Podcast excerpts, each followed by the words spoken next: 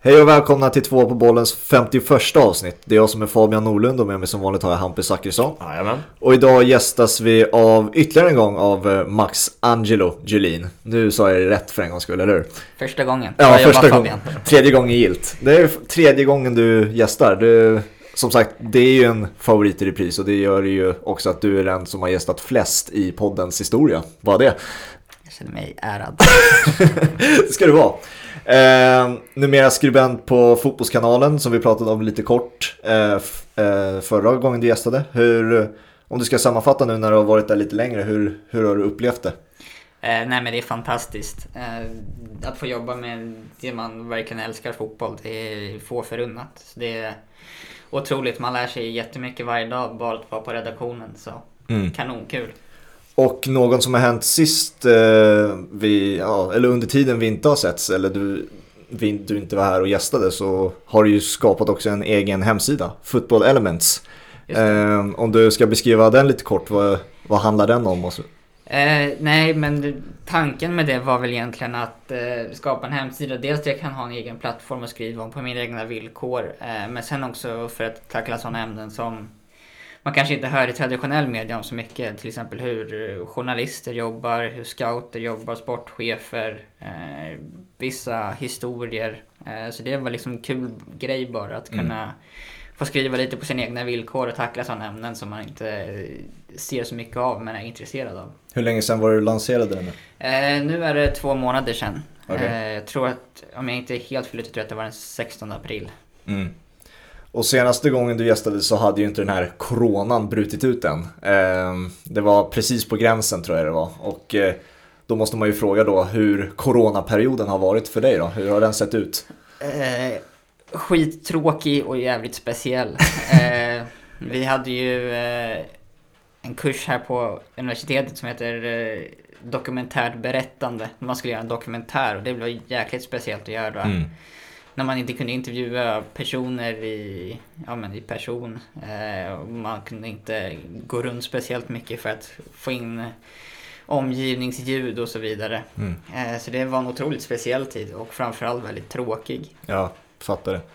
Innan vi diskuterar den allsvenska starten som precis varit så tänkte jag vi kunde diskutera fotbollen resten ute i Europa. Eh, Bundesliga har ju startat sedan tidigare, La Liga har precis startat och Premier League startar samma dag som vi släpper det här avsnittet. Eh, Serie A ska också, är också på G. Eh, om, vi, om jag ställer frågan som jag ställde till Hampus eh, bara för någon vecka sedan. Om du tar ur Liverpool och Djurgården ur frågan och ser det objektivt, vilken liga ser du, har, du, har du sett fram emot eller ser du fram emot mest att se? Eh, för mig personligen så är det ju Serie A eftersom att eh, familjen är italienare. Eh, så Serie A är, har en speciell plats i mitt hjärta. Men sen så självklart Premier League. Det, oavsett om Liverpool spelar där eller inte så tycker jag att det är en fantastisk liga med otroligt hög nivå, rolig fotboll. Eh, men ja, just nu så har jag tagit fotboll bara som fotboll. Eh, man hade där ett tag när man satt och kollade koreanska ligan bara för att se fotboll liksom. Ja, det, var, det är ju bland det mest bisarra jag sett. Alltså, där, ja, vi följer ju dig på in- Instagram, att du lägger ut där på att du följer den sydkoreanska ligan. Så, så mycket abstinens hade inte jag så att jag behövde se sydkoreanska ligan. Alltså. Nej, jag såg nog inte så mycket av sydkoreanska men jag var inne och kikade lite Det var väl brasilianska och sånt där var tidigt på, på det. Någon sydamerikansk liga satt man och tittade men man undrade efter en halvtimme eller någonting vad fan man höll på med. Ja, men, eh, nej, jag hade väl en liknande abstinens så att det var väl nära att man kikade in K-League. Kan det ha varit den brasilianska delstatsligan? Den kollade jag på också. Ja exakt, det var ju de där konstiga turneringarna. De har ju hur många ligor och turneringar som helst i Brasilien. Min personliga peak, det var ju när Färöiska ligan började. Den var ju först av alla. Herregud alltså. Det är ju en annan nivå på nördighet alltså. Jag, jag höll mig från den vitryska ligan. Den kollade jag aldrig på men Nej, jag hade något spel på Bate Borisov någon gång. Då var man ju tvungen att kika hur grabbarna, skötte sig. Och det gick bra eller? Ja, de vann med 3-0 så att det... Snyggt. Men eh, på tal om Liverpool då, som vi snackade om där, kom, fram, kom upp lite snabbt. Eh, vi har ju två Liverpool-fans här, ni är två Liverpool-fans och eh, jag tänk, vi måste ju, jag har inte ställt frågan till dig Hampus. Timo Werner har vi diskuterade vi, jag tror vi diskuterade bägge gångerna du gästade här sist, eh, Max. en världsanfallare, potentiellt en världsanfallare i alla fall, som sägs ha varit klar, eller i alla fall varit i princip klar för Liverpool nu i ungefär ett år känns det som. Går nu till Londonklubben Chelsea istället. Hur, var, hur går tankarna kring den alltså, bomben var, blev det ju nästan Alltså dagen till ära när Jürgen Klopp fyller år så får man ju återigen prata om Klopps inverkan i den här övergången som inte blir av nu då. Mm. Eh, för att det antar jag att så är det, att det är Klopp som har sagt att vi, vi skiter i Werner, eh, säkert i, i samspråk med den ekonomiska aspekten så, men man litar ju så fullt ut på Jürgen Klopp och vad han vad han pysslar med. Och har, är det han som har sagt nej till Timo Werner eller att så här, nej men så, så viktig är han inte så att vi ska inte hosta upp de pengarna för, för den här killen så känner jag mig hur trygg som helst i det. Mm. Um, så att, äh, så, ja, att det inte blev Timo Werner. Jag var inte så överhypad heller av Timo Werner. Um, tycker Alltså det är inte den forwarden jag vill ha in så att vi ska hålla på och flytta på Firmino och sånt där. Mm. Eh, då har jag hellre de tre kvar och sen kanske tar in en spelare som liksom kan ta en bänkplats eh, bättre än vad jag tror Timo Werner skulle göra. Mm. Så att nej, jag litar fullt ut på Klopp och ja, vad Liverpool gör. Eh, att de inte tar in Timo Werner. Eh, det, liksom det förtroendet har de skapat hos oss supportrar under, under den här fantastiska perioden som har varit några år. Mm. Vad säger du då Max? Uh, nej, men det, jag skulle väl ljuga om jag sa att det, det inte hade varit tråkigt att inte få in Timo Werner, men det är speciella tider just nu eh, och som Hampus säger så tror jag att det är något form av samråd mellan Klopp, eh, ledningen och ekonomiska, eller vad man ska säga, the financial department. Mm. Det är liksom redan nu så håller sig Liverpool ganska nära. Man brukar prata om att för att en klubb ska funka på ett bra sätt så ska man ungefär ha ett 75-25 i intäkter. Att man får inte spendera mer än 75% av årliga intäkterna. Mm. Och redan nu ligger Liverpool på gränsen där samtidigt som man förmodligen inte kommer se supporter och matchintäkter på kanske ett år framåt. Vad är det man lägger så otroligt mycket pengar på då? Det är ju inte spelarvärvningar, eller? Det är framförallt spelarlöner. Lönerna, eh. Okay. Och eh, man, alltså man, eh, förra året drog man in ungefär 530 miljoner pund. Man spenderar ungefär 483 miljoner på administrativa kostnader. Så då är det liksom lönekostnader och allt som har med det att göra, personalkostnader. Mm. Så redan det intäktsbortfallet gör att man ligger på gränsen till att ha en, en stabil ekonomi. Så jag förstår liksom fullt ut varför man inte spenderar, blev det i slutändan, 55 miljoner. Ja, det har varit en jävla resa mellan klausuler och allt möjligt. Eh, mm. Jag känner mig fortfarande osäker på vad det blev, men det ligger väl där någonstans. Ja, jag tror att det ligger 55. Ja, någonstans runt 55 miljoner mm. pund tror jag. Eller, eller euro. Eh, så jag förstår det helt och sen så känner jag också samtidigt att jag litar helt på Klopp och sen så tycker jag att många ser förbi Takumi Minamino som man plockade in i januari. Mm. Som egentligen har spelat samma position som Firmino gör mm. i Salzburg. Mm. Och gjort det med jättebra resultat under Champions League i år. Men han har ju inte blommat ut i Liverpool. Nej, men sen så samtidigt om man kollar så tog det ändå både Fabinho och Robertson ungefär sex månader för att ens börja spela mm. i Liverpool. Klopp är ju väldigt... Han trycker väldigt mycket på det att integrera spelarna i systemet. Ja. Alltså från första början och inte skicka ut dem för tidigt. Mm. Så jag tror att det är framförallt därför Minamino inte har spelat så jättemycket ännu. Och jag tror extremt mycket på honom. Så därför så känner jag ändå att visst det är tråkigt men jag tycker ändå att Liverpool klarar sig väldigt bra utan. Mm. Ja, det ska man ju ha med sig i liksom spelare som kommer till Premier League överlag. Det har man ju sett eh, mer än en gång att det tar, det tar tid att ta sig in. Eh, och sen har vi också Klopp som har ett otroligt krävande system av varenda spelare. Mm. Så att, eh, att jag känner ingen oro över att man, Minamino inte har blommat ut och som Max säger så tror jag på den killen. Mm. Var otroligt imponerad över dem två mötena vi hade mot Salzburg. Så att, äh, härlig, härlig kille också verkar det vara i de här Zoom-mötena man fått följa.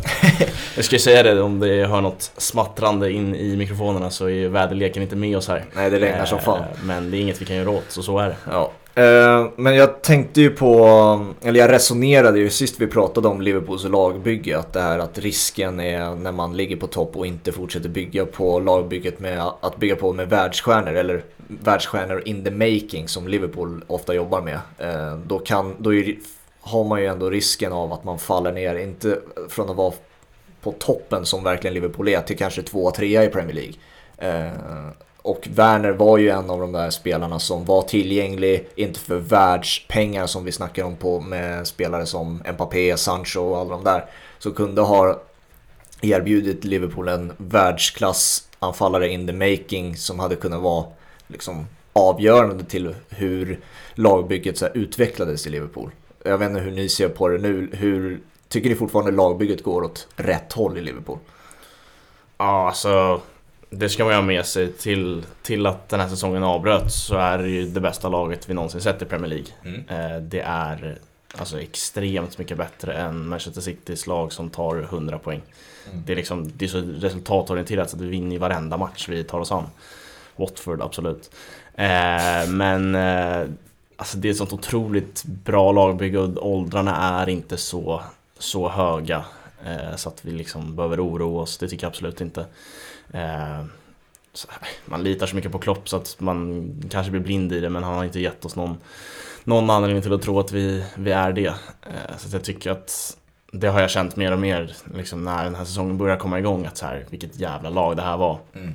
Oavsett hur det slutar nu, om vi vinner resterande matcher och tar alla tiders rekord eller om vi börjar vackla och bara tar hem bucklan inom citationstecken så är det det bästa laget jag någonsin har sett spela fotboll. Mm. Eh, alltså så här, absolut, Barcelona var väl kanske mer spektakulärt när man har 89% bollen har vi alla matcher. Men ja. det här laget vet hur man vinner eh, mm. och gör det till, till varje pris i varje match. Mm.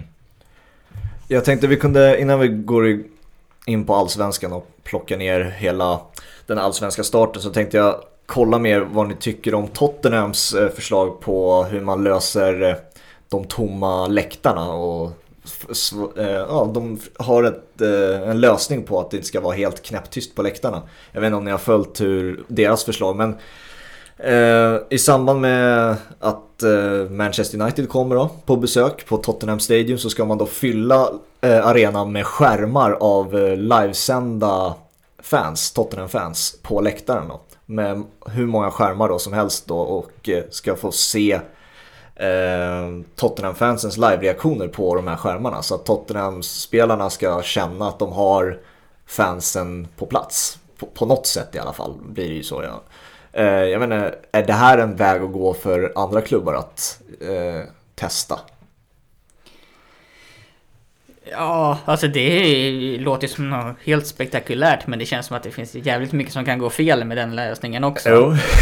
Fans som tar liksom egna initiativ under, under matchen och ja, man vet ju inte vad de kan hitta på under de där livesändningarna. Nej. Men självklart, jag tror att även, även sådana här som mm, till exempel Mönchengladbach som har haft de här papp papp-fans. Ja så tror jag att så länge spelarna egentligen kan se fans och relatera till så tror jag ändå att det är någon form av boost. Mm. Att man får ett ansikte på supporterna som, även om de inte är där på plats, sitter hemma och hejar på och supportar. Mm. Så jag tror att någon av de två lösningarna är, är bra. Eh, jag tror att det inte är speciellt bra att bara liksom ha tomma platser. Nej. Det, det är nog mindre hjälpsamt för spelarna än de här två alternativen. Mm. Vad säger du Hampus? Ja, det var väl Århus i danska ligan som var först med den här eh, Zoom-lösningen så att säga. Mm. Eh, jag har inte sett någon match med Århus men jag är väldigt tveksam till att det finns ljud från fansen. Eh, för det tror jag inte. Eh, det hade varit jävligt märkligt kan mm. jag tycka. Eh, för det blir, blir något helt annat på något sätt. Så jag, tror, jag tror inte att det är så, jag har ingen aning. Men, eh, att Tottenham inte heller använder ljud då? Nej men exakt att det på något sätt inte kommer vara tillåtet av ligan på något sätt. Mm. För att som Max säger då, liksom fans som tar egna initiativ på något sätt. Eh, så att det tror jag inte det kommer vara. Men det är alltså så här, måste ju, måste inte hitta någon lösning. Det har vi sett i La Liga. Där kör ju den är hemsk för övrigt. Eh, den liksom grafiklösningen som ja. är för oss tv-tittare. Ser ut som Fifa 98 liksom. Det är, det är inget HD där inte. Eh, så det är väl bra att man försöker hitta lösningar, absolut. Det här är en lösning. Mm. Eh, blir ju sjukt att se liksom Zoom-skärmar med folk som sitter med någon pint och kollar på matchen. Men äh, kul, kul grej och jag tror att man måste liksom göra det bästa av situationen och det här är en av lösningarna. Sen Tottenham överlag har väl inte liksom gått stärkta ur den här coronapandemin. Det Dele Alli avstängde första matchen, Saro Charrier, ingen vet var killen är någonstans. Nej. Så är det väl på plan också. Han är ju totalt urusel i försvarsspelet. Ja. Jag hatar Serge Charrier enkom på grund av att han är dålig. eh, så att nej, Tottenham är ett intressant lag eh, ur den här coronapandemin. Det har ju stormat rejält och det gör det väl alltid kring den här mm. klubben. Ja, men vi rör oss mot allsvenskan då. Eh, bara kort och enkelt, hur upplevde ni eh, uppstarten på allsvenskan? Vad, vad tyckte ni om kvaliteten? Hur var känslan av att se svensk fotboll tillbaka på riktigt? Ja, Djurgården hade ju premiären först så att Max ska börja. Ja, absolut. Eh, nej men jag tycker det är fantastiskt att ha Allsvenskan tillbaka. Det är skitkul. Eh, väldigt speciellt att se utan publik. Mm. Man, man sitter liksom och nästan har ångest att man inte är på plats ja. och supportar men... Ja, det är en speciell situation just nu men... Om man pratar själva spelet så tycker jag att man ser väldigt många lag att det, det ser väldigt ringrostigt ut och ja. eh, många lag var otroligt slitna. Alltså Framförallt i andra halvlek mot slutet. Och det såg man även liksom på Djurgården, Bayern eh, till och med Malmö till en mm. viss del. Eh, så jag tror att man får nog vänta liksom innan man gör den bedömningen. För just nu har man inte spelat match på fyra månader. Det är nästan längre än vad man gör under en försäsong och uppehållet där. Ja. Eh, men annars så fantastiskt att ha svensk fotboll tillbaka. Skitkul mm. att kunna följa igen. Om vi tar eh, Djurgården och den prestationen då. Eh, hur, eh, vad tyckte du om den? Eh, nej, jag är inte jättenöjd med insatsen även fast alltså, vi vinner med 2-0. Eh, jag har viss förståelse för, på grund av det jag sa, att man inte spelat match på fyra månader. Djurgården var en av de klubbarna som hade spelat minst matcher innan uppehållet också, för mm. att man inte körde någon träningsmatch i stort sett innan kuppen drog igång. Eh, men ja, jag tycker försvarsspelet var jag väldigt nöjd med. Det satt, det satt väldigt bra. Erik Berg och Une Larsson gjorde ett kanonjobb på mittbacken. Men offensivt så tycker jag att det är alldeles för lite rörelse. Man mm. eh, blir alldeles för isolerade och statiska. Mm. Eh, man kommer inte riktigt runt eh, Sirius, varken mittfält eller försvar. Mm. Och när man har en spelare typ som Emil Kujovic på anfallet som egentligen inte kan eh, erbjuda så mycket rörlighet och eh, hot i djupledet så blir man ännu mer stillastående. Mm. Eh, så jag var väl framförallt missnöjd med det offensiva spelet måste jag säga. Det blev lite bättre när Kalle Holmberg kom in. Kan hota i djupet lite på ett annat sätt och Oskar Pettersson likaså. Mm. Men ja, man, man klagar inte över att ha tagit tre poäng liksom. Nej. Jag liknade Djurgårdens insats eh inte för att dra så här kvalitet jämförelser mellan Chelsea och Juventus med Djurgården. Men alltså, Nej, jag, jag jämför dem, eh, dem ändå för att Juventus och Chelsea under Mourinhos tid hittade alltid ett sätt att vinna. Även fast de spelar rejält uselt offensivt. Alltså defensiven sitter för att det är defensiva tränare vi har att göra med. Jag vet inte hur vi ska beskriva Djurgårdens inställning till att eh, tackla en match. Men det ser ut som att fokuset är att sätta defensiven och sen får den offensiva kraften lösa det själv lite. Det, var, det är så jag uppfattat det och i och med att de är svenska mästare ändå så har de den här, den här vinnarmentaliteten nu att på något sätt hittar de ett mål och så spikar de igen. Jag vet inte om det är er uppfattning också av Djurgården. Vad säger Hampus? Ja, det är väl det jag tar med mig, att det är starkt att vinna matcher där man inte är, är bra egentligen. Eh, sen tycker jag inte Sirius imponerar så mycket, liksom, de har inte jättebra chanser så. Men det är starkt att vinna matcher där man inte kommer upp i nivå. Mm. Eh, och det Max var inne på med, Kujovic kontra Buya Turay det tror jag kommer bli en stor omställning för Djurgården och det kommer krävas mer av spelare som Jonathan Ring, eh, Chilufya om han nu ska få sitt genombrott äntligen. Mm. Eh, Astrid Ajdarevic som inte var bra förra säsongen, jag tror han är väldigt revanschsugen. Ja. Och det kommer krävas en, liksom, mer av honom en säsong som denna om Emir Kujovic på topp. Han är jättebra fotbollsspelare men det är en helt annan typ än Buya Turay. Och det kommer ja, kräva mer av spelarna runt omkring honom. Mm. Jag twittrade efter Sirius-Djurgården-matchen eh, att det var en välbehövlig liga att få igång. Även fast det inte är jätte, alltså, svinbra fotboll man ser alla gånger så är det en, det var en känsla man har saknat, en konstig känsla man har saknat med svensk fotboll. Jag vet inte, målar upp en felaktig bild nu men med den här kvaliteten som är lite upp och ner med svensk fotboll. Men... Ja men det är den absolut, men jag tycker att för en själv så kändes det bra mycket roligare att kolla på Djurgården-Sirius än Augsburg-Freiburg. Ja, men lite så kände jag också. Eh, det, det märktes att det betydde mer Eh, för en själv att allsvenskan var igång. Man har mycket större intressen i, i resultaten. Mm. Eh, så att, nej, det kändes liksom jag är väldigt tillfreds med hur det är. Alltså, nu är det utan publik och det är inte så mycket val eh, ligan och förbunden har att göra kring den frågan. och då tycker jag det känns extremt bra. Alltså, mm. jag, jag trivs med att kolla på fotbollen som är. Sen så är det ju lite så också, dels det som Hampus är inne på, men sen så att, att allsvenskan är tillbaka igen ger ju någon form av känsla av normalitet i, ja. en, i en tid som är väldigt speciell. Eh, och det, det är otroligt skönt för att det är liksom på något sätt så känner man, dels har man ju så, Hampus sa, mycket större intresse i allsvenskan, men sen så är det ju också på något sätt ett, ett steg framåt för det svenska samhället egentligen, att, mm. att fotbollen är igång igen. Mm. Eh, man, man kan ha någonting att fokusera annat på än, än eh, hur skit världen är just nu liksom. Mm. Eh, och så var det liksom, för mig var det liksom så att 90 minuter så man glömmer allt annat runt ja. omkring och man är där med sitt lag. Mm. Och det är fantastiskt att ha det just nu. Mm. Och ännu en person som kanske upplever att det är ännu lite mer normalt då, det är väl du Hampus nu också när AIK är igång. Eh, hur upplevde du deras insats? Påminde lite om det vi pratade om Djurgården precis, eller?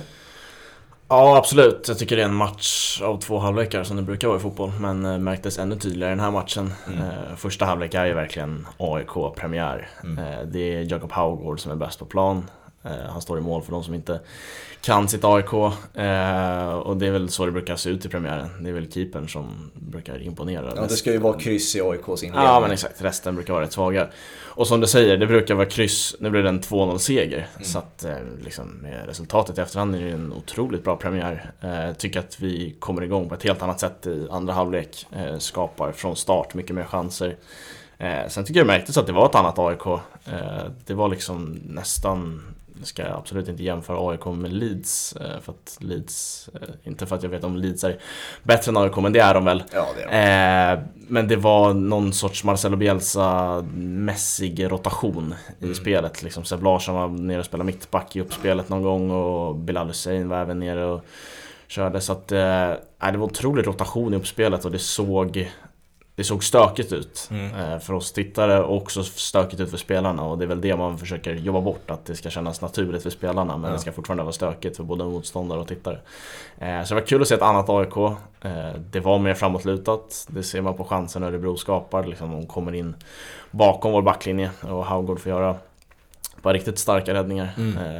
Så att, äh, mer framåtlutande AIK. Eh, roligt att se. Så att, eh, också kul med mycket unga spelare. Mm. Det är Paulus Abraham 17, Tehi 18, Bilal Hussein också ung. Så att det, mm. Nej, det känns som ett nytt AIK. Jag har inga egentligen större förhoppningar och förväntningar på något guld eller sånt där. Även om man hejar på AIK så vill man väl alltid åt det där guldet. Mm. Eh, det ska bli kul att se hur det här laget utvecklas. Tror du att eh, de löser den här förvirringen då som du beskriver? Tror du de har löst det till slutet av den här säsongen. Att de spelar väldigt fin fotboll som bevisligen är målet ändå. Ja, jo jag vet inte hur fin den blir. Eh, men... Eh, Lyckas den... de spela fin fotboll? Ja, offensiv fotboll, det tror jag absolut vi kommer lyckas med. Det har man varit ganska tydliga med att det är så här det ska vara och eh, Norling verkar inställd på det.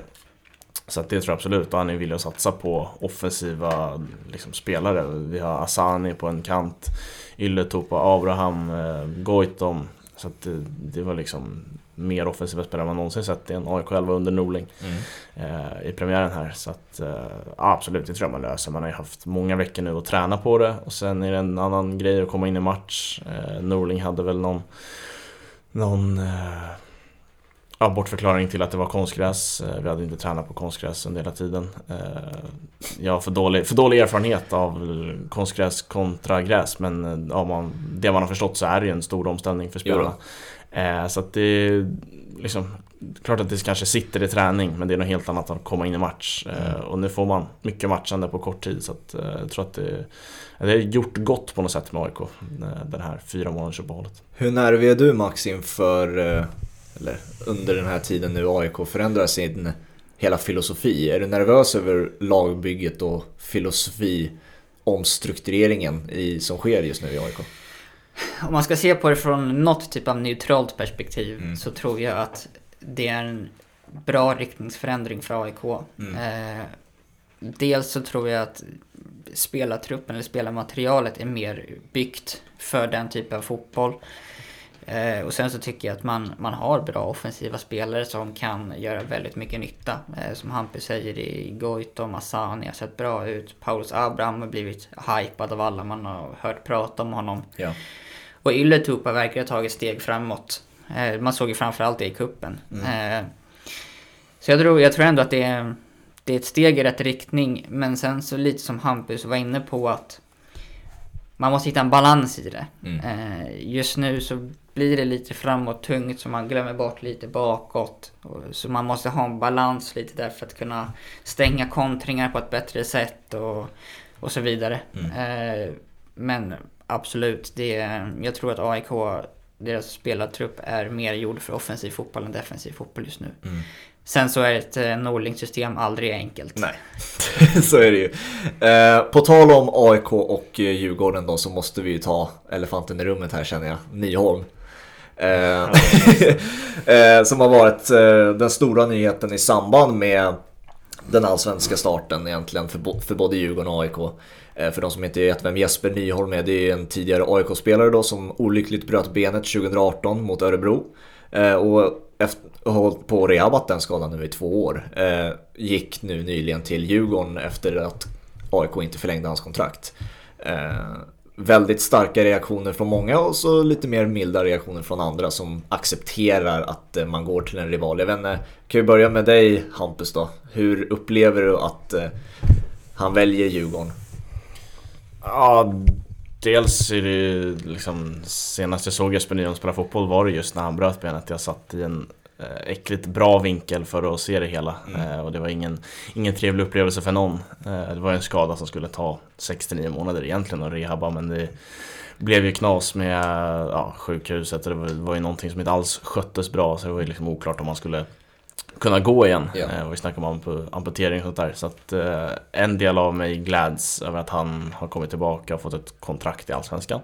Eh, var en otroligt bra mittback och det skulle ju nästan, det var ju snack om att det var liksom Allsvenskans nästa stora export. Eh, men för att ta mina känslor kring den övergången så nåddes jag av nyheten när man var typ 10 bärs in. Eh, det, var, det var liksom, just där och då blev det väldigt starka känslor. Det var Judas och eh, hur i helvete tänkte han nu?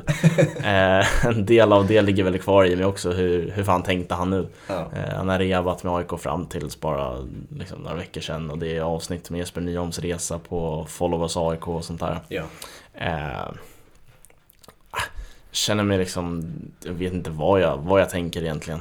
Eh, det är klart att det gör ont att se honom gå till Djurgården och sitta och göra 2-0 liksom på studenternas IP och vara nöjd över det. Eh, å andra sidan så var det väl Djurgården som erbjöd han kontrakt. Eh, det hade ju varit coolt om man sa nej, då spelar jag hellre i Superettan. Det, hade, Ja. det hade man ju gillat mer såklart. Eh, och sen liksom Djurgården gick från att få in Marcus Danielsson till att få in en Jesper Nyholm som inte spelar fotboll på två år. Mm. Eh, vi vet inte alls vart han står. Nej. Så det, är liksom, det, är ingen, det är ingen övergång så rent spelarmässigt som eh, liksom gör att Djurgården blir ett starkare lag. Bredare möjligen, men inte starkare. Eh, så att, nej, det är jävligt trist. Eh, liksom, jag gillar inte Jesper Nyholm, det gör jag inte. Eh, Inte längre i alla fall. Nej men exakt, inte längre. Det var ju det, den delen har han ju förbrukat med tanke på att han går till Djurgården. Mm. Eh, Det är inget man gillar att se. Eh, Samtidigt har jag svårt att bli så upprörd som man kanske var när man nåddes av nyheten nu i efterhand. Mm. Eh, Så här är det nu och jag, jag förstår allas, allas liksom känslor kring det. Man, jag tycker att man får tycka vad fan man vill Mm. kring den. Eh, Ja. Man får tycka att han är, är den vidrigaste personen på denna jord. Och man får också tycka att, han, att det är kul för honom att han får spela fotboll igen. Mm. Och jag står väl någonstans däremellan liksom att det jag känner väl lite, liten del av båda. Nyholm säger, säger ju själv att han är ungefär en månad från att vara 100% frisk och kunna spela 90 minuter. Eh, hur upplever du värvningen Nyholm till Djurgården, Max? Eh, nej, alltså det... Jag känner väl att det är egentligen en ganska låg risk. Eller man brukar säga på engelska low risk high reward. Mm. Eh, Bosse plockar in honom på ett prestationsbaserat kontrakt. Mm. Eh, 18 månader med op- option att bryta det efter 6 månader. Mm. Eh, och egentligen så... Jag läste igår att Nyholm har ju spelat eh, interna matcher under våren för AIK och nästan orkat med 90 minuter. Mm. Eh, men det är ju självklart en annan sak att spela i Allsvenskan. Eh, men mycket sitter ju i huvudet och jag tror att Jesper Nyholm fortfarande är en bra fotbollsspelare om han, om hans kropp kan komma tillbaka till det. Och det är det man inte vet. Eh, och det är ju det som man har försäkrat sig lite om att man kan bryta det efter sex månader ifall så inte är fallet. Men om det är så så tror jag att han kan vara en väldigt nyttig spelare för Djurgården om, eh, om han kan komma tillbaka i den fysiska form han var. För att jag tror inte eh, på någon nivå att han har försämrats som fotbollsspelare i sinnet. Ehm, sen så tycker jag också att man ska vara liksom väldigt klar med att det här är ingen ersättare till Marcus Danielsson. Nej. Marcus Danielssons ersättare är egentligen Erik Berg. Mm.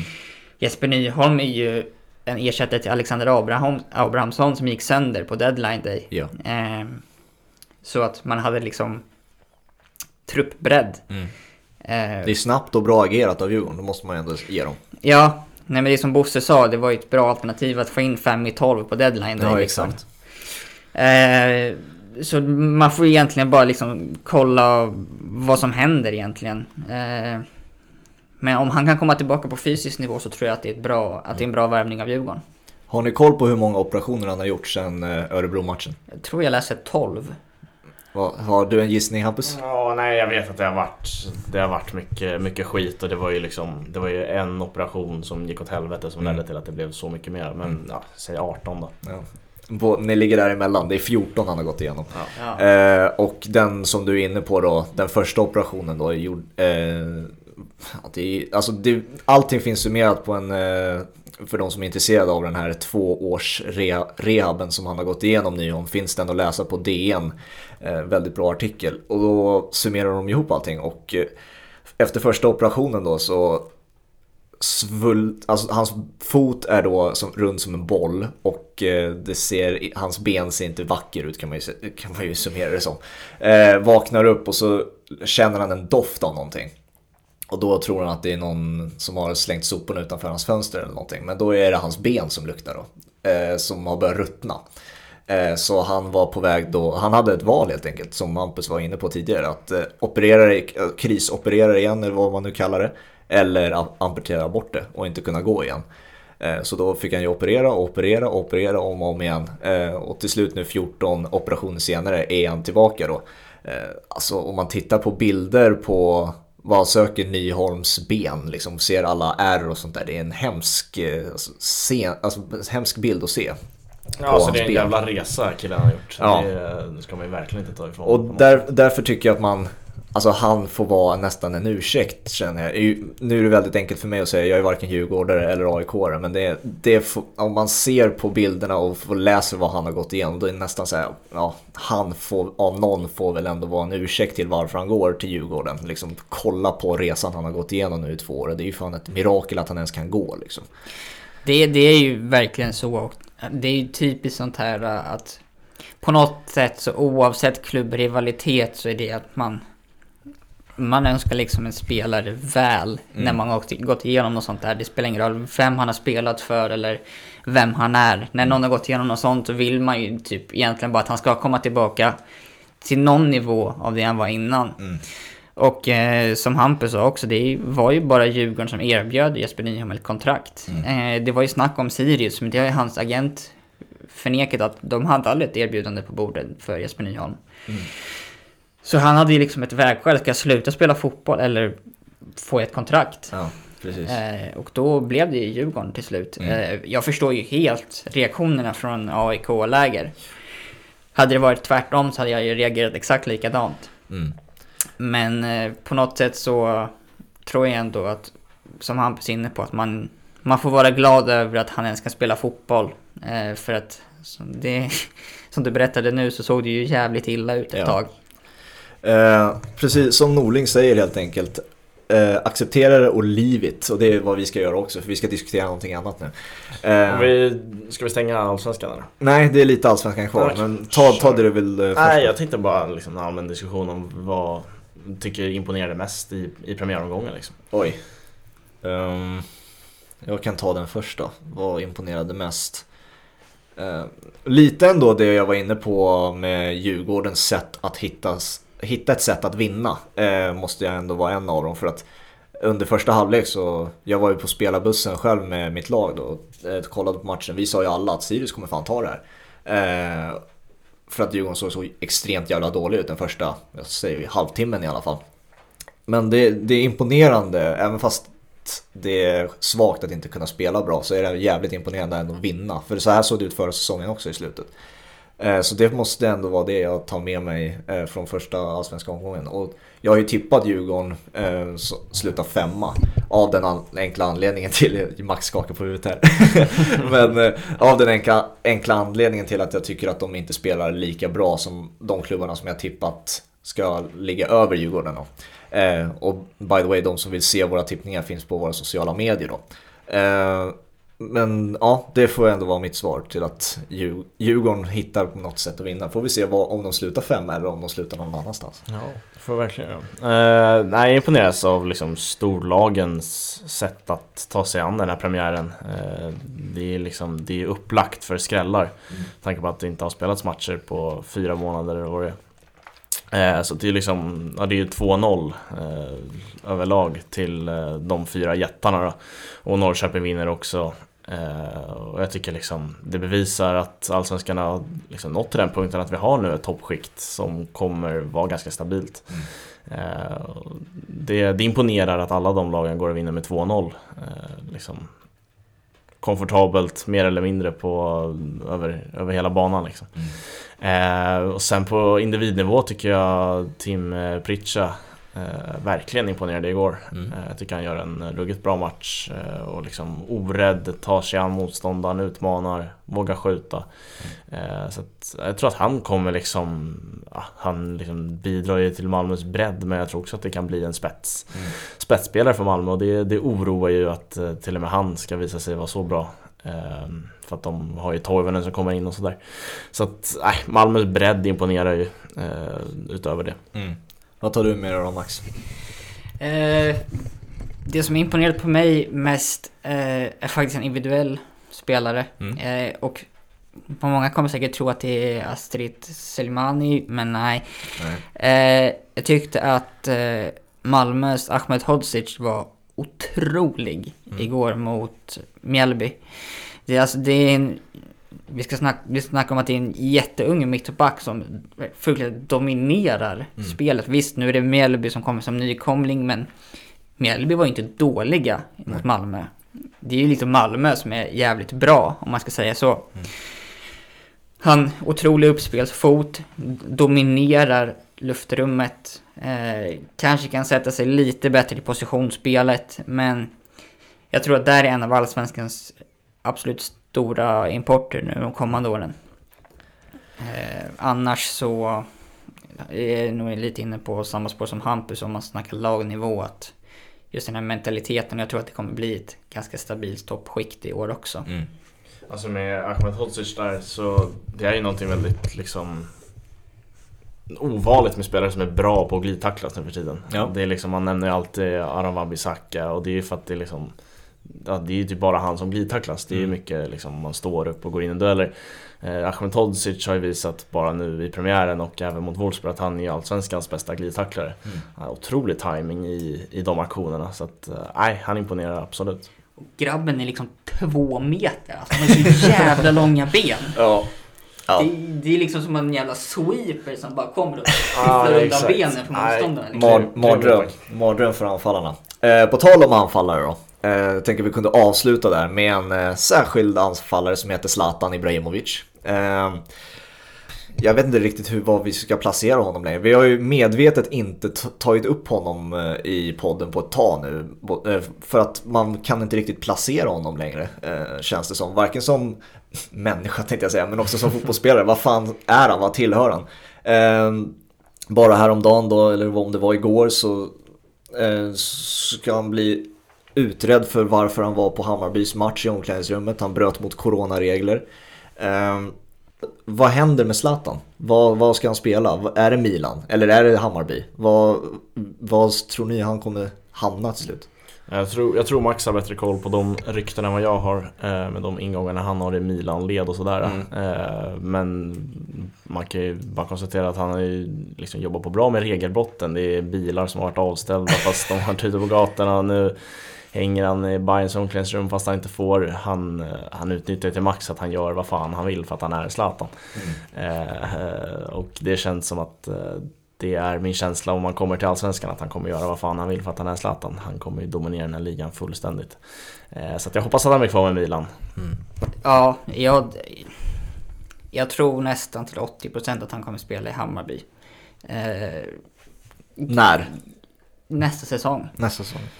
Eller, ja, jag vet inte. Det beror lite på när nästa övergångsfönster är i Allsvenskan också. Men jag tror att han skulle kunna komma in i nästa övergångsfönster till Hammarby också. Mm. Anledning till det är att det snackas ju ganska rejält och det verkar obekräftade uppgifter vara mer eller mindre klart att Ralf Rangnick kommer in till Milan, mm. tar över Stefano Pioli och Paolo Maldini som ska... Ja, Rangnick ska då ha en en dubbelroll som sportchef och tränare. Mm. Eh, och jag, vad jag uppfattade det som så verkar det som att Zlatan kom ju lite till Milan på grund av dels Boban som har blivit sparkad nu och Maldini som övertalade honom. Ja. Eh, och om både Maldini och Boban är borta så tror inte jag att Zlatan kommer stanna kvar. Och när man ser lite så här att han han är om Bayerns omklädningsrum liksom när Milan förbereder sig för eh, match mot Lecce nästa vecka. Nu är visserligen Zlatan skadad men... Mm. Men det känns ju nästan på något sätt som att hans huvud är i Hammarby redan nu. Ja. Eh, och jag tror att kommer Alf Rangnick till Milan så är det bekräftat att då kommer Zlatan inte vara kvar i Milan. Hans familj har ju till exempel bott kvar i Stockholm under det här halvåret i mm. Milan. Så Nej, jag tror till 80% säkerhet att han kommer spela i Hammarby. Mm. Så här, om det hade varit någon annan än Zlatan hade jag 100% trott att Zlatan ska spela i Hammarby. St alltså snart. Men för att det är Zlatan, han har gjort så här många gånger och lekt med media så många gånger nu att han han kan lika gärna hamna i, vad fan vet jag, i Bologna som det ryktades om för ett år sedan.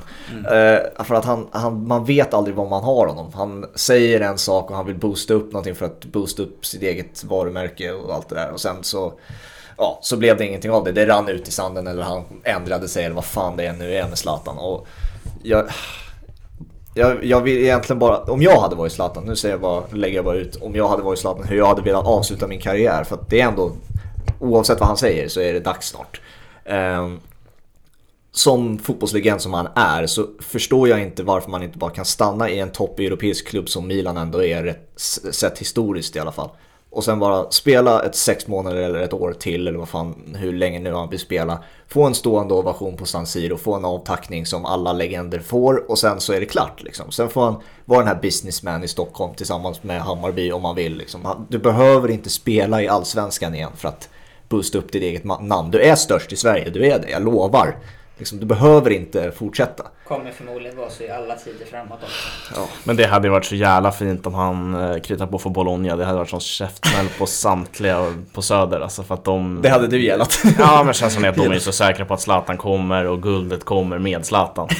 och då få se Zlatan i en Bologna-tröja bredvid Senisa Mihailovic hade gjort mig otroligt glad. Ja. Eh, det hade varit kul. Mm. Men jag tror inte liksom, Bologna-spåret känns långt borta nu och det känns inte som han och just det, hade varit kul med Bologna för då hade det känts som att han har lekt med Bayern mm. hela den här tiden. Mm. Bara gjort dem till åtlöje. Men det är ju ingen omöjlighet. Det är, Nej, det är så det, det kan det. vara. Men det, är inte så, det känns inte så nu. Det känns som att han liksom blivit polare med Jesper Jansson. Han hänger ju där mer än vad han hänger i Milano trots att han spelar mm. för en klubb som är i Milano. Eh, så det känns inte så, men det hade ju varit kul om man gör Bayern till åtlöje genom att krita på för en helt annan klubb. Man ska ju, för de som inte vet, att Bolognas tränare Sinisa Mihailovic, det är ju tränarversionen av Zlatan. Ja. Han är ju verkligen zero fucks given vad den gäller. Ja. Eh, men eh, jag vill bara flika in att Bologna var ju faktiskt ute i veckan nu, deras sportchef, och sa att de har brutit kontakterna med Zlatan nu. Ja. Eh, det är inte aktuellt. Sen så får man ju se, det man vet ju sportchefer är, det är, mm. kan ju säga en sak så är han därmed påskrivet kontrakt dagen efter liksom. Men man har ju sett det med Bosse Andersson flera gånger. eh, men det är väl ändå kanske värt att flika in med att Bologna var ute i veckan och sa att vi, vi har inte någon kontakt med Zlatan längre. Eh, och det är väl lite därför jag är inne på spåret att antingen kanske som Hampus säger ett halvår, ett år till i Milan. Mm. Om, om det inte är så att Ragnik kommer då, man fortsätter med säg Pioli och Maldini. Mm. Eh, men ja, annars så tror jag fan på Bayern alltså. Mm. Tyvärr. Ja, det är fan tyvärr. Jag... Håller ni med om eh, den, den idén jag har? Eller den bilden jag målade upp? Att varför inte sluta på toppen som man alltid snackade om? För jag vet för tio år sedan sa han jag ska sluta på toppen. Bayern är inte toppen oavsett hur, hur du vill alltså, spinna det liksom. Nej, jag är helt enig med det att eh, Zlatan känns som en sån spelare som man alltid har sett framför sig ska få en stor jävla avtackning Mm. på typ San Siro. Eller att han, eller förut nu innan i år så hade man ju trott att han kanske skulle gå hem något, ett halvår till Malmö för att få en avtackning på Malmö stadion typ. Och Eh, den dörren är ju rätt stängd. den, den är rätt stängd. Men man ska ju också tänka på att han skulle ju på ett sätt kanske kunna gå hem och säkra ett guld till Hammarby för första gången på 19 år. Och det är ju också ett sätt att få en otrolig jävla avtackning på karriären. Men det är ett stort jävla om. Så Det är exakt, det är ett stort jävla om. Säg, säg att Malmö sen rycker med 10 poäng i Allsvenskan och sen så då hade du haft valet att bli avtackad på San Siro med alla legender och skaka hand och buga och tacka och bocka och sen eller sluta trea i Allsvenskan med Hammarby på konstgräset på Tele2. Vad hade du valt liksom? Bli utbuad på Hammarby, eh, på Malmö stadion. Ja exakt, men om man ska bortse från att man håller på AIK och gärna ser dem vinna guld så hade det ju också varit en otroligt kul grej om man skriver på för Bayern För då vet vi vilken jävla guldyra som kommer Ja, där ja, alla bajare. De är, ju, de är ju jobbiga bara när de vinner publikligan. Liksom. Satan vad Det- hade varit. ah, det räcker för dem, men att då Malmö går och vinner. Ja. Det hade jag inte haft några problem med. Nej. Eh, och den, också den revanschen Malmö mot Zlatan har jag inte heller några problem med om Malmö-fansen skulle få den glädjen. Eh, inte för att jag gillar Malmö, men för att jag inte tror att AIK har styrkan att slåss om guld och då ja, vill jag inte att Bayern ska vinna guld. Ännu roligare om de inte vinner guld med Zlatan. för då är det liksom, Bayern kan inte vinna. Eh, man har liksom tagit in den största vinnaren som finns och inte vinner. Så att det finns många roliga scenarion. Jag tror att både jag och Hampus kan ena på, även fast vi är Djurgårdare och AIK, att man ser nästan hellre Djurgården eller AIK vinna guld än Bayern För fy fan vad olidligt det hade varit. Det. Alltså ni säger ju det här och ni är Liverpool-fans. Ja, nej men... Ja men också den grejen att så här, Liverpool, det är unbearable som vi vinner ligan. Eh, det ska vi fan vara. Helvete vilket jävla liv det ska vara på Twitter för att liksom hur, hur alla har byggt upp att det ska vara något extra vidrigt när Liverpool vinner guld. Så- Vi, vi snackar Hammarby har inte vunnit guld på 19. Liverpool har inte vunnit på 30 år. Jag tycker... Sen, sen är det en annan typ av människor som håller på Bayern. Jo, jo. Men det är- finns några paralleller att dra där ändå. Absolut. Man hamnar ju på andra sidan av spektrat så att säga. Jo. Och då Ja. blir det andra känslor. Så här, jag, jag hatar AIK som klubb otroligt mycket mer än Bayern. Men om Bayern vinner SM-guld hade det varit så jävla mycket mer olidligt än om AIK hade vunnit guld. In, inte för att klubben vinner, men supportrarna. Eh, Man hade aldrig fått sluta höra det. Alltså alla blev ju Bayern när de gick upp i Superettan. Jag vill inte veta hur många som blev Bayern om de skulle vinna guld. Med Zlatan. Exakt. Ah, Det är ju för fan Som hela Zlatan-armén. Det är, det är hela jävla Sverige. ja, men vad fan, vi knyter ihop säcken där. Ehm, tycker ehm, att Max helt enkelt får berätta var vi kan hitta dig någonstans på sociala medier. Eh, ni kan hitta mig på Twitter på Maxi Angelo, M-A-A-X-I Angelo som det låter. Eh, ni kan hitta min hemsida på footballelement.com eller på Twitter footelements. Och på vad hittar man oss Hampus? Ja, och sitta, Vi hittar oss på, vad fan säger jag? jag kan inte Alla hittar längre. oss. Jag hade, hade massa an, annat fokus. Eh, vi finns i alla fall på Twitter, Instagram och Facebook. Det är väl bara på Twitter vi har ett annat namn. Där är det två bollen på Twitter alltså och sen två pa-bollen på Instagram och Facebook. Sen hade ju Fabian någon idé om att skapa någon TikTok-konto. Vi får väl se vad som händer med det. Vi har ett projekt på gång. Ja. Eh, kan bli jävligt roligt, eh, men det kommer inte ske på ett par veckor. Men Nej, det det- kan bli att vi har TikTok på gång. Det är inte TikTok som är huvudfokuset i det projektet men det kan bli en del av det. Ja, exakt. Eh, sen tänker jag också att vi ska ta vår fantasyliga Just det. Eh, där, jag, där jag parkerade på en eh, femteplats ändå. Jag hade en eh, fin, fin gårdag med Christiansen, Ahmedhodzic, Pritcha. Fick även inte hi när Granqvist var sjuk. Ja, så det är det, var en ruggigt fin sjukdom han åkte på där. eh, Fabian får man scrolla ner lite, men ändå elfte plats. Eh, Är det på elfte nu? ja, jag låg tvåa för igår. jag tycker ändå imponerat att du tar 64 poäng. Jag tror att du kommer sluta mycket lägre än så. Fy fan vilken sågning. Kan jag säga. Men eh, leder i alla fall Jakob Hjortsfeldt med Lega Aprilvägen. Otrolig omgång. 114 eh, poäng plockade. Jävlar. Fy fan. Med ett eh, parkera bussen aktiverat eh, chip förvisso, men ett väldigt bra använt eh, chip. Ja, stort Så grattis att, till dig. eh, Men... Ja, leder efter en av 30 omgångar, så det är ett, det är ett maratonrace där. Mm. Men vi, vi kommer följa det eh, under hela säsongens gång och det blir jävligt kul. Det gör vi. Eh, för ett stort tack att du kom och gästade ytterligare en gång Max. Det var bara skitkul att vara här. Och som vi brukar säga till dem vi har, gillar att ha här, du får gärna gästa igen. Eh, Det är tur att vi har sagt det till alla. Så. Nej, inte all, vi har faktiskt inte sagt det till alla, men vi menar det nog med alla, för alla, alla gäster är fan kul att ha. Ja. Eh, eh, ja, men vi avslutar så. Ja, Eh, Premier League drar igång. i- Eh, idag. idag, exakt, när man nu lyssnar på det här. Och sen har man ju även en riktigt fin match på midsommarafton. Eh, som vi var inne på förut, Manchester United-Tottenham. Så där kan man ju smyga fram en iPad eller en telefon under middagen eller någonting, för det Ja. kommer jag göra. det kommer fan jag med. Eh, det är en ri- riktigt fin match, så nu rullar det ju verkligen på. Japp. Eh, Premier League och Allsvenskan är ju det de absolut flesta svenskarna gillar att titta på. Mm. Och där är ju vi två de största eh, supportrarna av de ligorna också. Eh, så att nu rullar det verkligen på. Vi får ju en sommar. Eh, skulle varit EM-premiär och det skulle varit EM för fulla muggar just nu. Eh, men det blir en väldigt bra sommar trots allt. ja. Och vi rullar på också. Ja, det gör vi. Eh, så får, hörs vi igen nästa vecka, så får ni ha det så bra så länge alla som lyssnar. Ciao! Ha det bra! Ciao!